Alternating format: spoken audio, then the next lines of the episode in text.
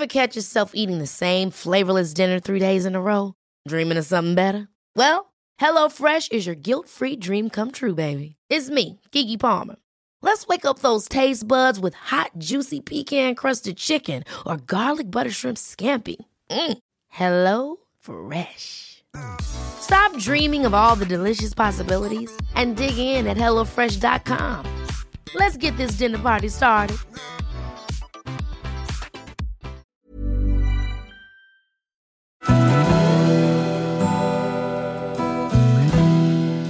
Välkommen till Stora relationsguiden. Podden där parterapeuten Anneli Östling tillsammans med sin sidekick Bella guidar dig genom allt som har med kärlek och relationer att göra. Följt av väl beprövade tips och råd.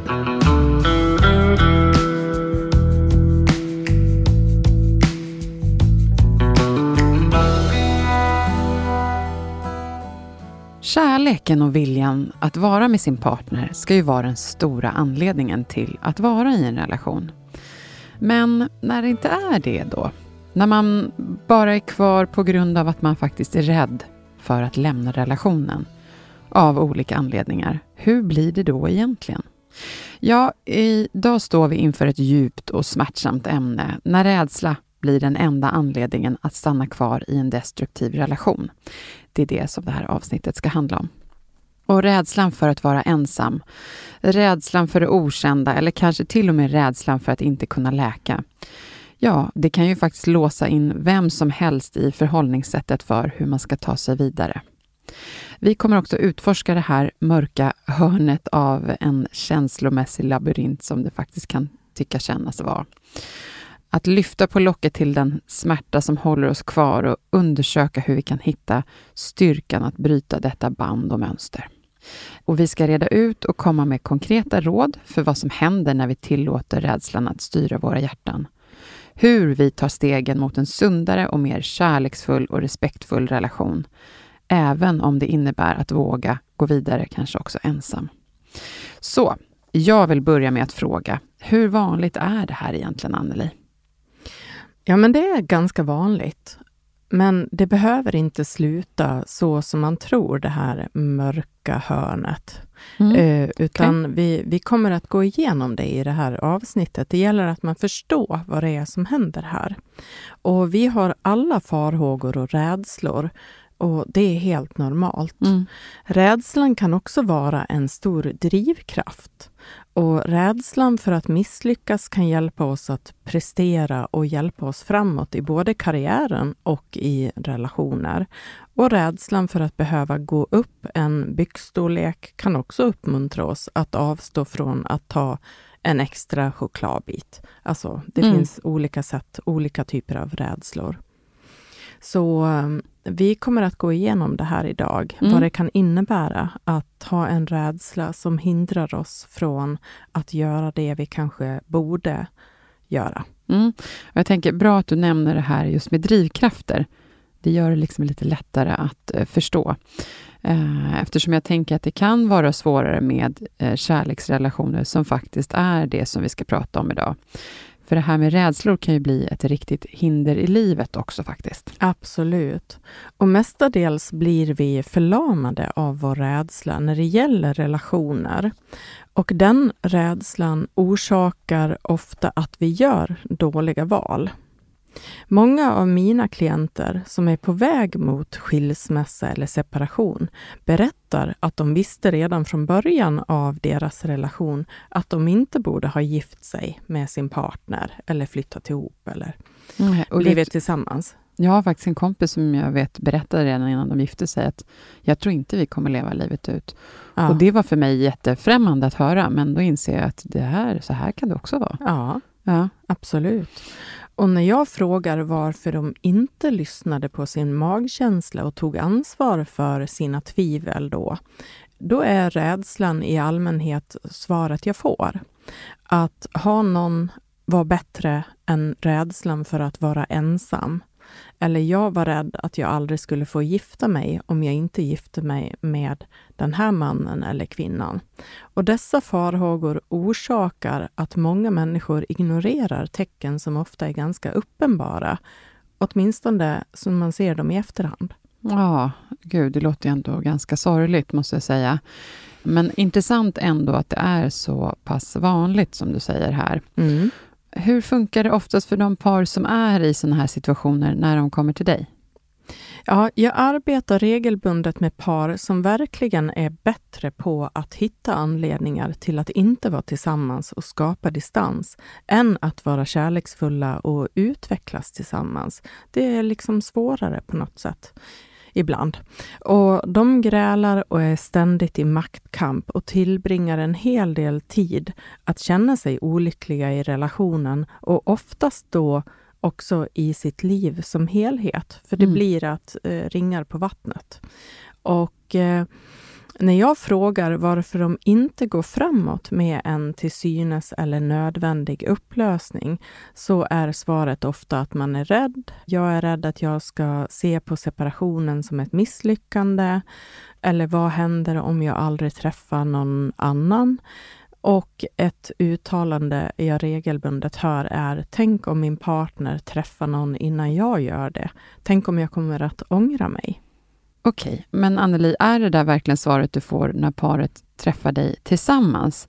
I så fall är det ju sorgligt om man inte väljer en annan väg framåt.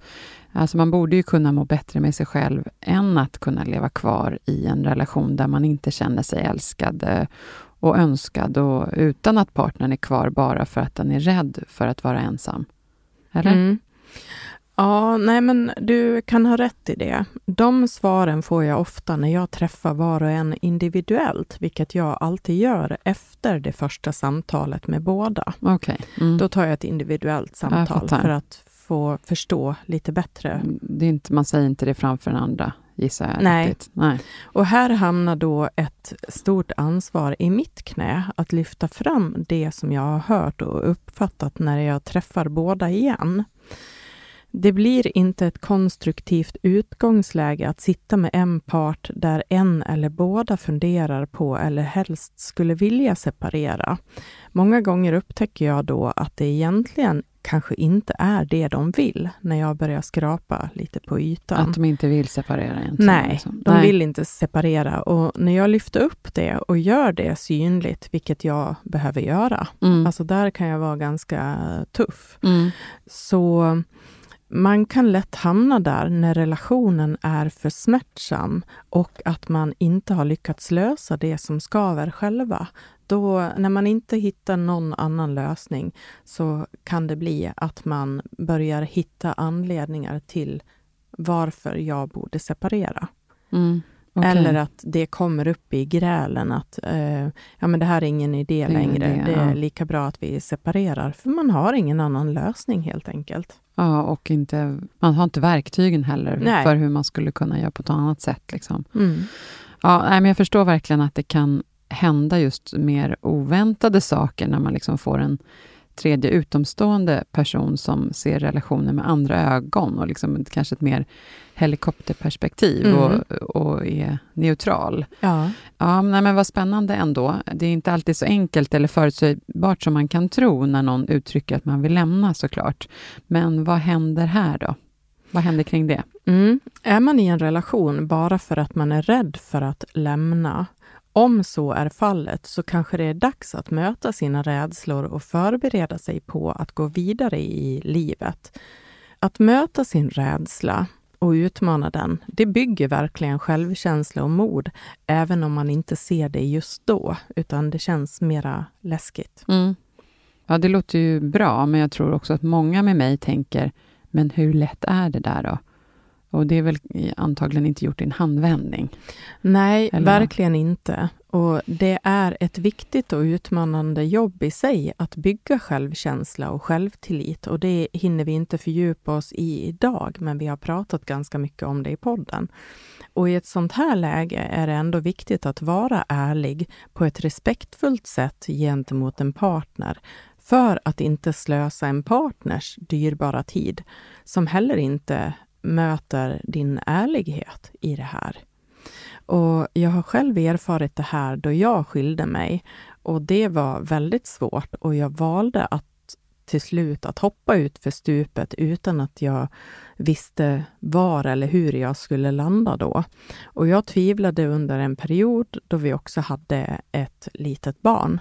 Men förstod senare att det här var faktiskt första gången i mitt liv då jag följde mitt hjärta på riktigt efter att jag har varit väldigt anpassningsbar i mina relationer.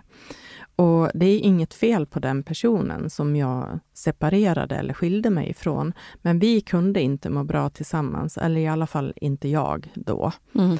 Och det blev ett bra kliv för mig att verkligen ta ansvar för mitt liv och hur jag önskade bygga och stärka mig framåt. Tack för att du delar med dig av det. Och nu är jag lite nyfiken och får fråga lite så, under den tiden, då jobbade du inte med såna här typer av frågor? Relation. Nej. Nej. Vad, var, det som, var det någon som hjälpte dig i, in att ta det här beslutet? Fanns det något så specifikt som gjorde att du vågade? då? Ja, alltså det kom till en punkt när det blev ohållbart, när jag eh, verkligen inte mådde bra. Mm. Så att eh, till slut så blev det nödvändigt för mig att du ta det här. Du kände, nu, ja. det är nu. Ja. Så. Mm. Men det är inspirerande att höra ju, när man hör någon annan som har ja. tagit det där klivet ut. Ja. Och säkert så också stärkande då eh, för andra som är i liknande situation, som faktiskt vill separera ja. eller funderar kring det. Men nu, jag, jag ska faktiskt vara riktigt ärlig. Det var ju så att jag eh, blev, fick uppskattning ifrån ett annat håll och det var väl då det var då jag kände att herregud, det finns någonting annat. Mm. Och det gav mig styrka att våga mm. ta eh, steget. Jag kan ha det bättre på, med, med någon annan faktiskt. Ja, ja. inte eh, nödvändigtvis Nej. då, men att jag såg att det här mår jag inte bra i och det här behöver jag inte vara i. Nej, men det blev tydligt när man jämför med hur, hur någon behandlar en kontra hur någon annan behandlar en och sådär. Ja, för det, det är ju svårt också som vi då hade ett litet barn. Det, mm. var ju, det var ju inte ett lätt beslut att ta. Nej. Och inte veta alls hur kommer mitt liv se ut efter det här. Ja, ja. nej. Ja, men bra. Tack snälla. Mm. Men vad kan hända om man faktiskt bara då harvar på i samma spår och är för rädd för att ta det här steget och för den delen inte faktiskt gör ansträngningen att försöka ens utveckla relationen så att man mår bra tillsammans? Vill du säga någonting om det?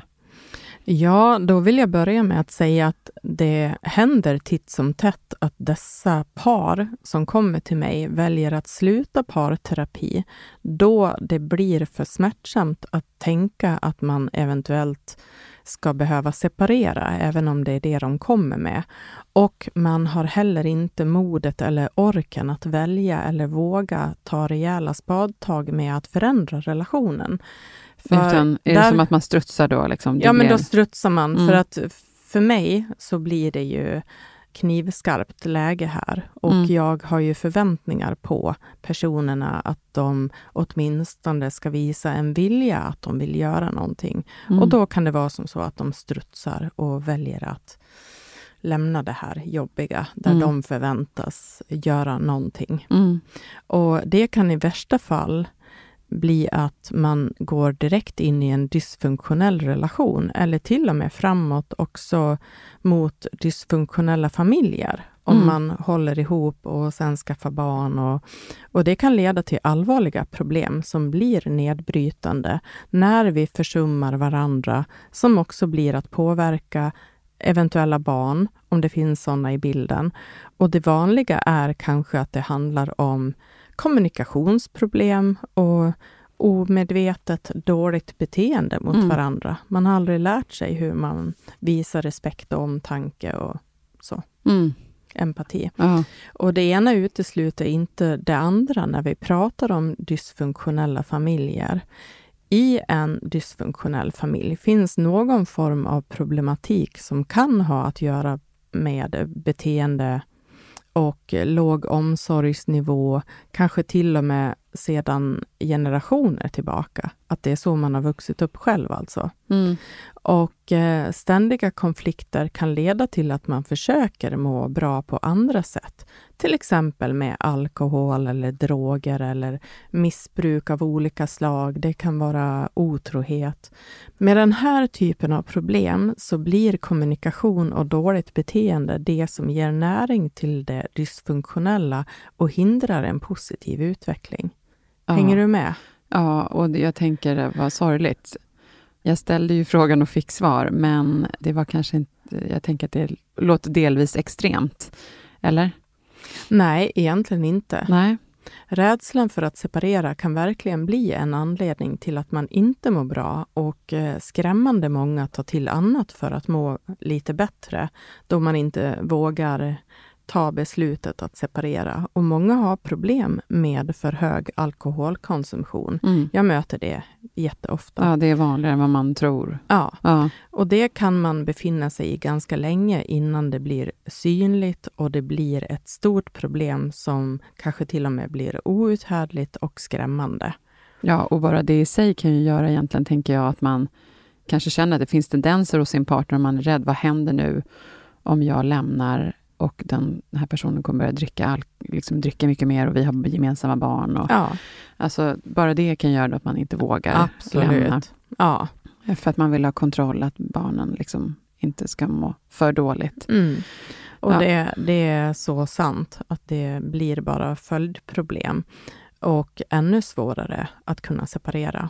Mm. Och vi får hoppas att vi når ut med det här budskapet idag om hur man bygger och fördjupar och lär sig att hantera utmaningar i vardagen tillsammans. Det är faktiskt värt all ansträngning. Och vi kommer väl kanske inte prata om hur man bygger och stärker relationer idag, utan mera hanterar just det här med rädsla.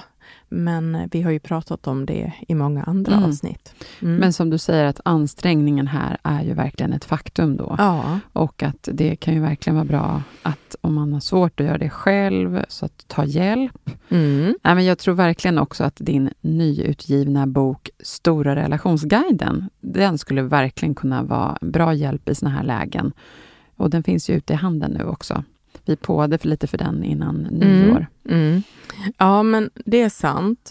Det är alltid bra att få inspiration i ett tidigt skede och det här kan vara för sent om man har hamnat här. Mm. Hur vi hanterar våra rädslor visar också hur vi kommer att gå framåt och leva våra liv. Mm. Så min önskan är att vi ska sluta att styras av vår rädsla och börja utmana den idag. Mm. Och resultatet av det leder åtminstone mera framåt än bakåt. Och eh, det är alltid bra att lära sig. Relationer behöver man lära sig att förstå. Så att alla böcker eller ny kunskap man kan få ifrån olika håll kan hjälpa. Men här kan det ju behövas annan typ av hjälp. Mm. Mera om det har gått så här långt.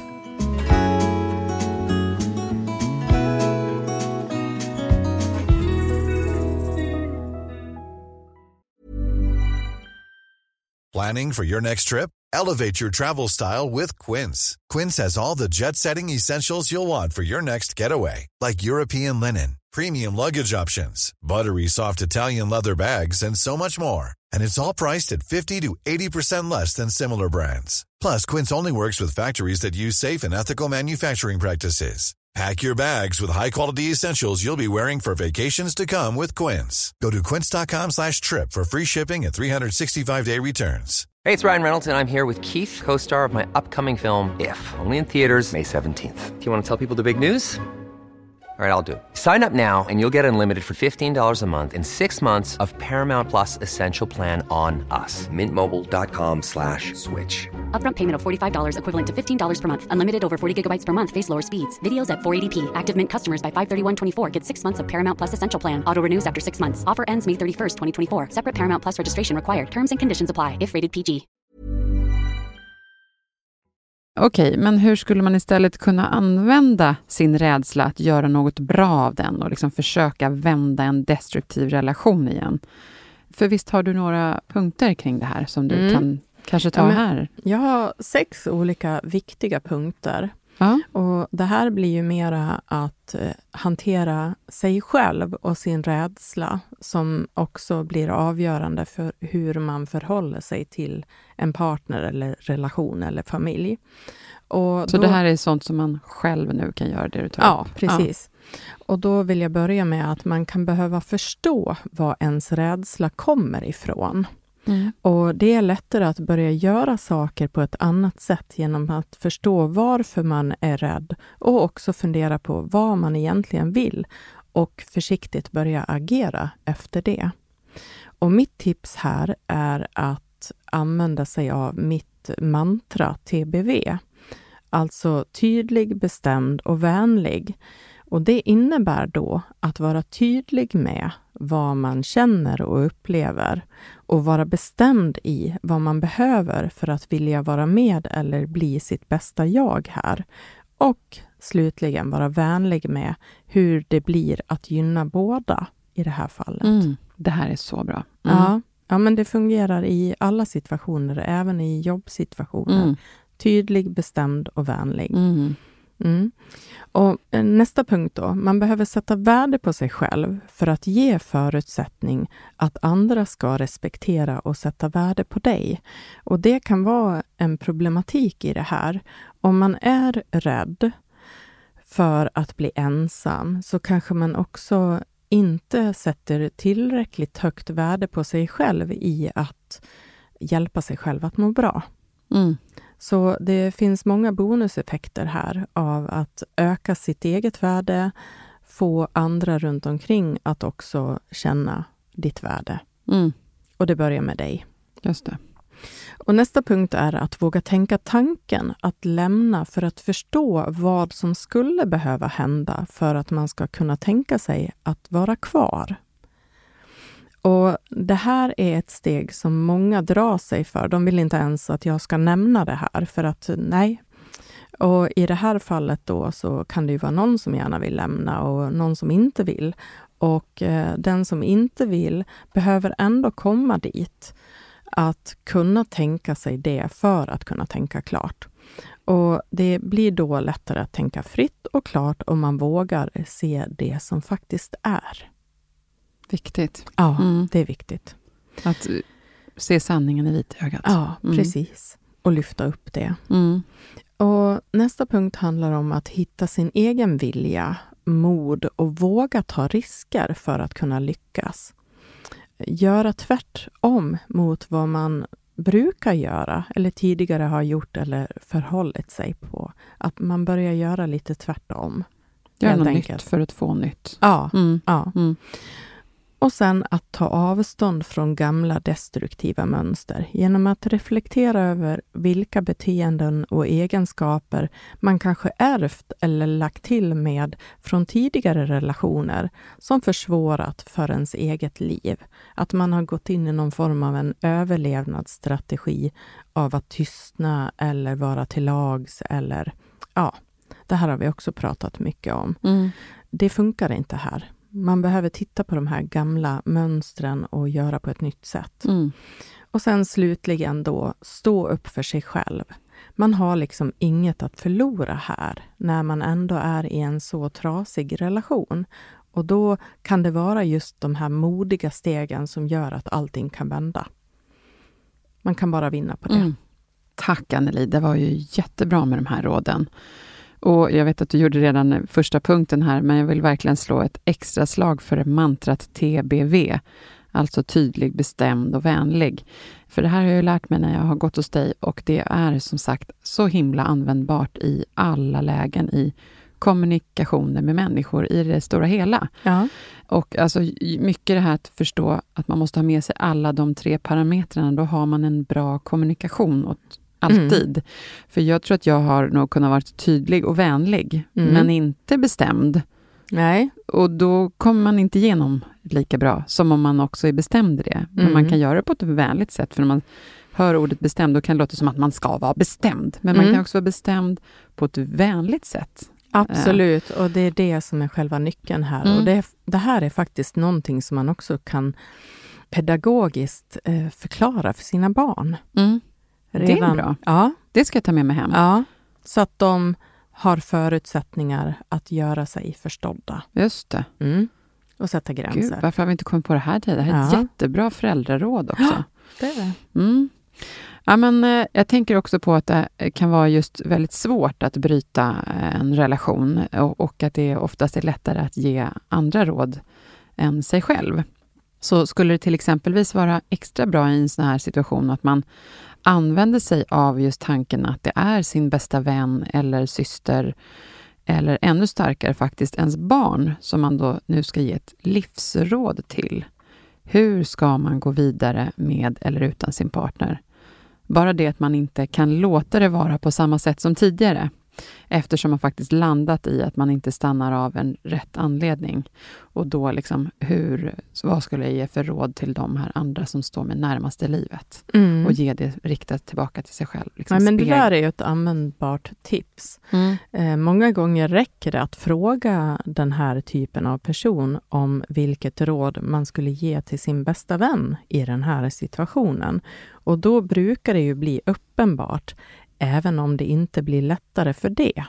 I långa loppet så ökar ändå medvetenheten om vad man skulle behöva göra, även om man inte vågar det just nu. Men rådet till en bästa vän, det, det tror jag kan bli ganska tydligt. Mm. Det är ärligt och kärleksfullt och man måste våga säga obekväma saker. Mm. Mm. Och då är det det rådet man skulle behöva ge sig själv. Just det. Ja, men jättebra. Skulle du kunna berätta vad som kan hända med en människa som stannar i en sån här dysfunktionell relation för länge? Och jag tänker på det som att man faktiskt skadar sig själv lite faktiskt, eller? Ja, och det finns inte bara ett svar här. Det kan hända att man går in i någon form av medberoende eller accepterar de små smulor som man får hellre än att ta det här jobbiga beslutet. Om man är den som väljer att stanna kvar med en partner som tydligt inte uppskattar relationen och kanske till och med gör sig omöjlig att vara med för att den här andra personen inte vill göra slut, utan i princip vill driva den andra till att göra det genom att inte vara respektfull. Mm, Det, okej. det, där, Mm. det där möter jag väldigt ofta. Personer som är rädda för att ta beslutet att göra slut, de gör sig helt omöjliga att vara med och kan bli eh, riktigt otrevliga och till Mm. och med elaka Mm. för att de vill att den andra ska ta beslutet och lämna först. Och är man den som inte vågar Mm. lämna så blir det svårt att kunna leva sin fulla potential i det här. Man låter rädslan istället för viljan styra och då kan man bara dränera sig själv på glädje och brytas ner. Mm. Båda blir säkert jättedränerade av en sån här Ja, ja. Och, och man blir inte glad och man mår inte bra och man kan lätt bli bitter och ledsen och leva i sorg. Mm. Ja. Ja, men bra att du nämner det. Ja, Men jag tänker också på det här med att man kan ha otroligt svårt att lämna och, eh, eller att försöka förändra relationen när man är just rädd för det. Alltså, oh, det här är jättejobbigt, jag vill inte eh, så. Mm. Så vad kan vi hjälpa till med här, Anneli, för att den här personen ska våga ta det stora steget? Vad kan vi peppa med kring det? Ja, jag skulle vilja fråga den här personen om hen kan tänka sig att vara i samma situation om ett eller tre år. Det är bra. Ja. Mm. Och sen tycker jag att tipsen som jag gav nyss om hur man själv behöver förhålla sig just för att ta hand om sig själv kan vara bra för den här personen att reflektera över. Och att utmana sig i att våga vara obekväm istället för att stryka andra medhårs på grund av rädsla för konflikter eller rädsla för att inte bli gillad eller älskad eller lämnad. Det kan vara det som kan vända den här situationen. Alltså att utmana sig i Mm att göra det här Mm. istället för att vara kvar i det här destruktiva. Och det som kan ligga bakom här är att man som barn inte fick känna trygghet och kärlek. Och när man väl hittat någon så är man rädd att förlora den och släppa taget om det. Man fortsätter hellre att kämpa för det man aldrig lyckats få i livet. Mm. Så det är också ett beteendemönster. Att om man har varit van att kämpa för att få kärlek och bli sedd av sina föräldrar, så kan man fortsätta med det i sina vuxna Ja, relationer. man vet ingenting annat. Nej. Och här kan man då tänka att ja, men hur ska jag kunna vända det här? Men man kan inte vända det om man är så rädd för att våga vara obekväm och stå upp för sig själv. Men då kanske man ändå kan ta hjälp, för det har man mycket att vinna på. Ja, det blir väl så till slut. Mm. Eller så väljer man att eh, leva kvar i det här, att få smulorna. Mm. Mm. Men då får man ta det livet också. Så att det här är väl liksom... Ja, men det är jättesorgligt. Mm. Ja, det är Också jättesorgligt. med tanke om den här personen blir referens för eventuella barn Mm. i det här. Just det. Speciellt flickor kan bli som sin mamma och Mm. pojkar kan bli som sin pappa eller, eller mixat. Mm. Mm. Är värdefullt att tänka på. Jag tror också att det kunde vara värdefullt om vi kunde få höra något exempel från riktiga livet på sådana som har tagit sig igenom det här. Har du något du kan dela utifrån alla de som söker hjälp hos dig? Ja, det jag kan säga är det som jag tidigare också sa, så kan tankar om separationer ofta bero på att relationen är så smärtsam att vara i och att man inte vågat vara tydlig med sina behov och heller inte lyckats hantera sina besvikelser på ett sårbart sätt. Om det kommer in mera av kritik och anklagelser så kan man faktiskt bli att fastna här. Mm. Och om man som parterapeut lyckas få dessa personer att känna sig trygga i rummet och att man kan hjälpa dem att börja kommunicera på ett mer empatiskt sätt utifrån sårbarhet, så kan det ske ett möte här där båda blir så berörda över att få den här kontakten, kanske för första gången på väldigt länge. Och då helt plötsligt så kommer in en hoppfullhet. Jag har sett det här hända många gånger och det kan bli riktigt bra. Mm. Ja, men det känns skönt att få höra lite hoppfullhet i det. Ja, och också. då förstår man att det fanns inte så stort allvar i det här med separation. Det var inte det man ville egentligen, utan man, man var så otroligt rädd och ledsen över att inte få någon kontakt. Mm. Man då- ville bara få det bra. Ja, Och när och man då inte såg ökar, lösningen så var det lättare att fly. Liksom. ja, och då ökar distansen och man blir inte snälla mot varandra och det kommer kritik och anklagelser istället för att våga säga Finns du här för mig? Jag Mm. behöver dig. Mm. Ja. Men det har också hänt att paret kommer tillbaka och gång på gång är tillbaka på ruta noll igen. Mm. Och såren kan ha blivit för djupa och att de har tappat förtroendet för varandra under en lång tid, där man har brutit ner relationen. Mm. Och då spelar det ingen roll hur mycket man än anstränger sig som guide i den här situationen. Mm. I slutändan så behöver paret successivt ta över och göra jobbet själva på hemmaplan. Och om det bara sker i terapirummet så är det lätt att man hamnar tillbaka på ruta noll igen om man inte gör ansträngningen hemma. Mm. Men som sagt, jag har sett många solskenshistorier också, där det egentligen inte handlar om separation. Det är inte Mm. det man vill. Mm. Ja, men tack för de slutorden om de här olika historierna och framförallt också solskenshistorierna. Och att få höra att man kämpar också för att det ska bli så bra, så kan det ju faktiskt det. Mm. Men slå inte i motvind. Om det inte ger något bra alls är det kanske faktiskt bäst att lämna och bygga sig själv och något nytt. Ja, ett bra mått är ju om man verkligen inte mår Ja. bra. Det Ja. behöver man ta på stort allvar. Ja, Och jag vill också säga igen att rädsla kan bli vår egen värsta fiende här. Det behövs trygghet för att våga ta kliv framåt och framförallt behöver man bli medveten om det här själv. ibland är det mest effektiva sättet att gå i individuell terapi för att i lugn och ro kunna bygga självtillit och stark medvetenhet i sig själv för att vara tillräckligt rustad för att klara av att vända den här skutan med en partner. Mm. Jättebra, tack. Mm. Nu har vi kommit till slutet här, så jag tänkte faktiskt sammanfatta. Mm. Eller har du någonting mer du vill tillägga innan jag gör det?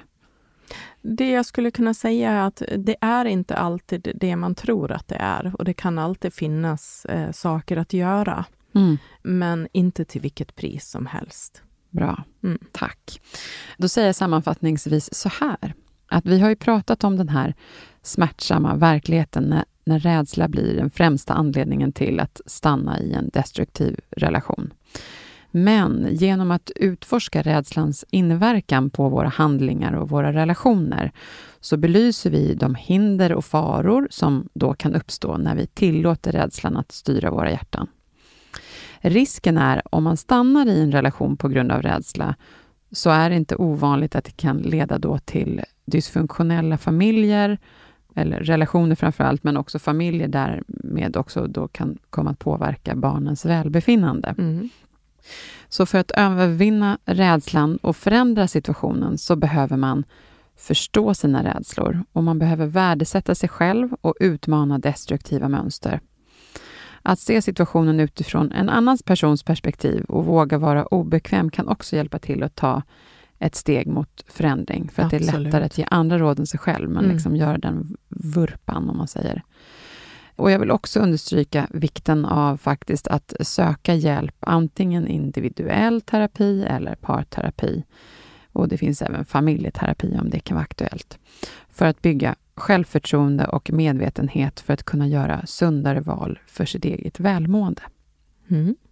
Men också slutligen så kände vi här att vi vill också hjälpa till för de som behöver hjälp när om man har när det kommer till alkohol och annat missbruk. Eh, för de som har problematiken i ert liv så kommer också här några viktiga kontaktuppgifter till dig som behöver söka stöd. Och eh, du kommer mest troligt att känna dig mer lättad i slutändan när man har tagit den hjälpen. Så viktigt att inte hålla allt inom sig, utan ta kontakt. Och om du är anhörig till någon med beroendeproblematik eller har det själv och söker stöd, så rekommenderar vi att ta kontakt med antingen då Alkohollinjen som finns på telefonnummer 020 84 44 48 eller deras hemsida också som är alkohollinjen.se. Eller så finns det också Droghjälpen som har 020 91 91 91 och så är det droghjälpen.se som är deras hemsida. Och sen då på Alkoholhjälpen så finns det mycket användbar information och samt ett forum för anhöriga, kan vara bra att säga också. Och det är alkoholhjälpen.se? Ja, ja, precis. Mm. Och sen vill jag också slå ett extra slag för boken Stora relationsguiden som knappt har hunnit kallna från tryck kan man faktiskt säga, då den nyligen kommit ut i bokhandeln. Alltså alla Annelies bästa tips och råd som, samt inspiration för hur man då kan jobba framgångsrikt med alla typer av relationsutmaningar. Och här tycker jag det finns en liten fin payoff i början av boken som är som parterapi i bokform. Visst är det så? Mm. Ja, det tycker jag är så himla bra. Och den är, har mycket bra... Jag har hunnit läsa en del och eh, det finns så mycket bra användbart här. Och man kan gå in i den stötvis. Man behöver inte läsa den från perm till perm, utan man kan ta något kapitel där man är just nu. Som känns aktuellt. Ja, precis. Så ja. den är liksom en handbok för relationer, så jag tycker alla borde ha den. Den är fantastisk. Mm. Ja, Eh, nu är vi slut på reklam. Eh, Tack så, för det. Ja, men nästa vecka då ska vi få höra lyssnarnas frågor som kom in här under eh, ledigheten mellan jul och nyår. Så kom det in en hel del frågor och det ska bli väldigt intressant att få lyssna till. Mm. Så um, mer om det nästa vecka. Så vi säger tack till våra lyssnare och stort tack till Jens som är vår producent här från Stray Dog Studios och Anneli. Så himla värdefullt att alltid få ta del av dina råd och all din kunskap. Vi hörs nästa vecka igen. Det gör vi. Tack själv, Bella.